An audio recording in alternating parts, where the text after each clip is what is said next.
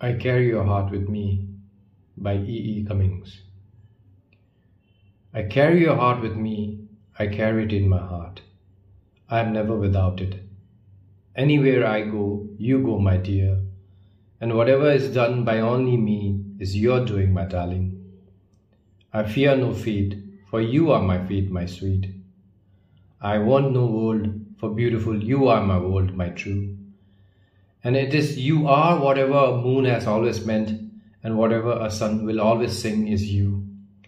Here is the deepest secret nobody knows. Here is the root of the root, and the bud of the bud, and the sky of the sky of a tree called life, which grows higher than the soul can hope or mind can hide. And this is the wonder that keeps the stars apart. I carry your heart. I carry it in my heart.